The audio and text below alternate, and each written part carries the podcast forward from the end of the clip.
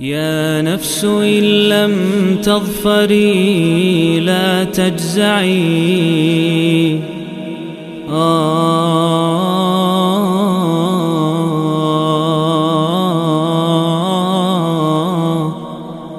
Bismillah, walhamdulillah, wassalatu wassalamu ala rasulullah wa ba'd Masih bersama serial 114 hari Membahas surat demi surat dari Al-Quran menyambut bulan Ramadan Dan kali ini kita bersama surat Toha, surat yang ke-20 Surat Makkiyah Diturunkan setelah surat Maryam Sebelum surat Al-Waqi'ah. Terdiri dari 135 ayat Nama surat Toha memang nama yang sudah disebutkan dalam sejumlah hadis.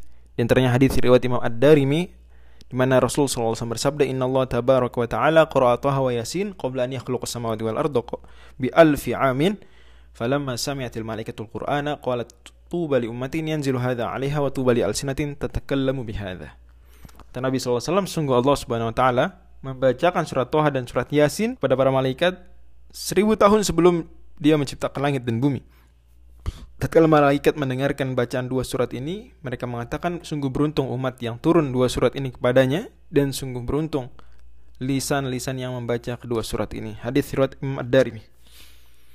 Dan surat Toha tema besarnya adalah ketaatan sumber kebahagiaan. Ketaatan sumber kebahagiaan. Yang berarti lawannya bahwa tidak taat itu justru sumber tidak bahagia. Sumber kesengsaraan. Dan ini dikuatkan dengan banyak konten dari surat ini. Di antaranya awal surat Allah Subhanahu wa taala firmankan ma anzalna 'alaikal qur'ana litashqa. Tidaklah kami turunkan Al-Qur'an kepada engkau wahai Nabi agar engkau sengsara. Berarti pemahaman kebalikannya Al-Qur'an diturunkan untuk membawa kebahagiaan. Bukan untuk membuat sengsara, tapi untuk membawa kebahagiaan. Ajaran Islam diterapkan sebetul-betulnya, seutuh-utuhnya membawa kebahagiaan dunia dan atau akhirat. Dunia dan akhirat, cuma ada beberapa orang mungkin tidak begitu nampak ya kenikmatan dunianya. Bisa jadi, tapi pasti di akhirat dapat kenikmatan. Ya, saya katakan tidak nampak bukan berarti dia tidak dapat. Betapa banyak orang yang nampak di dunia miskin, dia soleh, miskin tapi tapi bahagia luar biasa hatinya. Beda dengan orang yang mungkin kaya tapi hatinya penuh dengan gundah gulana.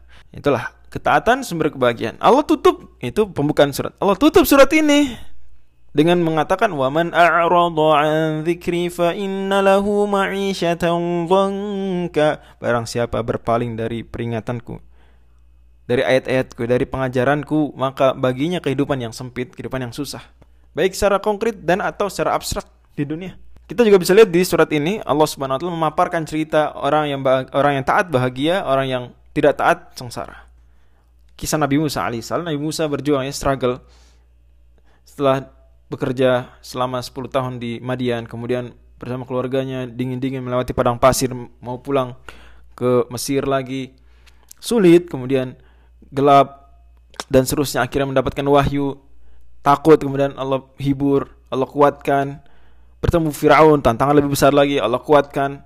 Ber, berhadapan para penyihir dengan para penyihir, Allah kuatkan. Seterusnya, terusnya. Nabi Musa berada dalam ketaatan terus sampai akhirnya Allah SWT memberikan kejayaan menyeberang laut kemudian hidup dan di, di Syam negeri penuh berkah ya sebaliknya Allah Subhanahu wa taala sebutkan kisah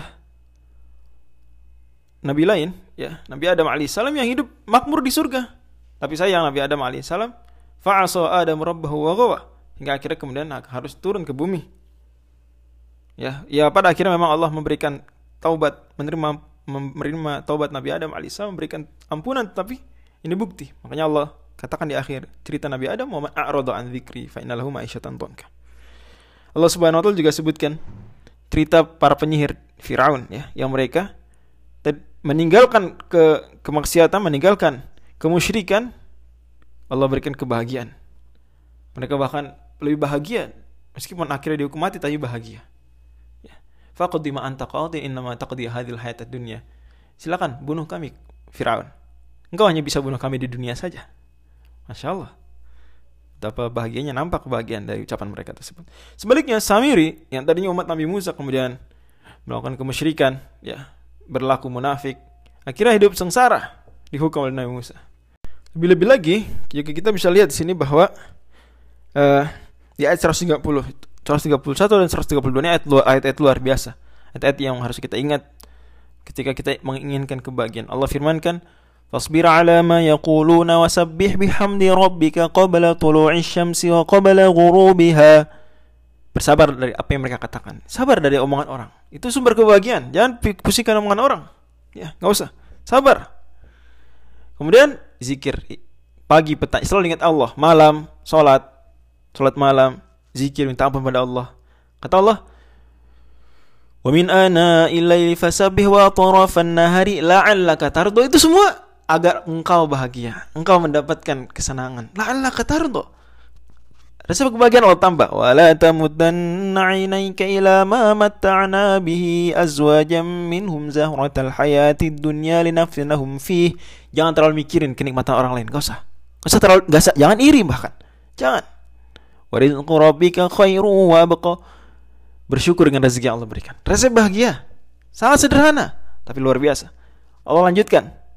Wa'mur ahlaka bis salati wastabir 'alaiha di antara sebahagia fokus kepada keluarga, mendidik mereka, sholat bersama mereka, melakukan ketaatan bersama mereka, dan sabar dalam kehidupan. Ini sabar jadi menjadi resep bahagia.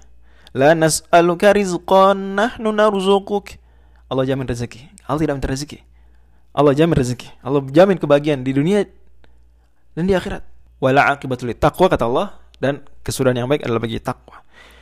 Mungkin ada yang bertanya, kalau kita tema besar tadi ada nggak hubungan dengan nama suratnya? Seperti surat-surat lain ya, memang nama suratnya terkait erat dengan tema besar suratnya. Jawabannya ada dan wallahu alam bisawab. Al-Fakir coba renungkan barangkali berikut merupakan hubungannya. Yang pertama, Toha ditafsirkan oleh Ibnu Abbas radhiyallahu anhu dan lain-lain. Itu sebagai wahai lelaki, ini panggilan sayang, panggilan lembut. Ditafsirkan Abdullah bin Amr radhiyallahu anhu, ya habibi wa kekasihku. Ini ya bentuk bahwa Al-Quran, Islam, ketaatan itu bahagia, lembut, sayang. Ali bin Abi anhu tafsirkan toha jejakkanlah kedua kakimu ke tanah. Karena Nabi SAW dahulu saat sholat malam kalau ngantuk beliau angkat salah satu kaki kemudian nanti angkat lagi kaki berikutnya supaya tidak ngantuk. Tapi kata Allah enggak enggak begitu. Dua kaki injak tanah. Ini berarti bentuk sayang. Taat itu seperti itu memberikan kebahagiaan.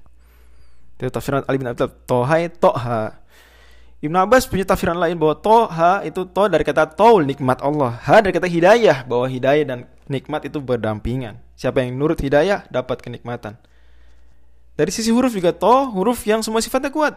Ya kita bisa lihat sifat uh, jahar, syiddah, isti'la, itbaq. Sementara ha empat sifat yang berlawanan dengan tadi itu semua sifat ringan, sifat mudah, uh, sifat hamas, uh, rokhawah, istifal, infitah isyarat bahwa sesulit apa pun kondisi kalau kita taat jalani akan datang kemudahan. Wallahu a'lam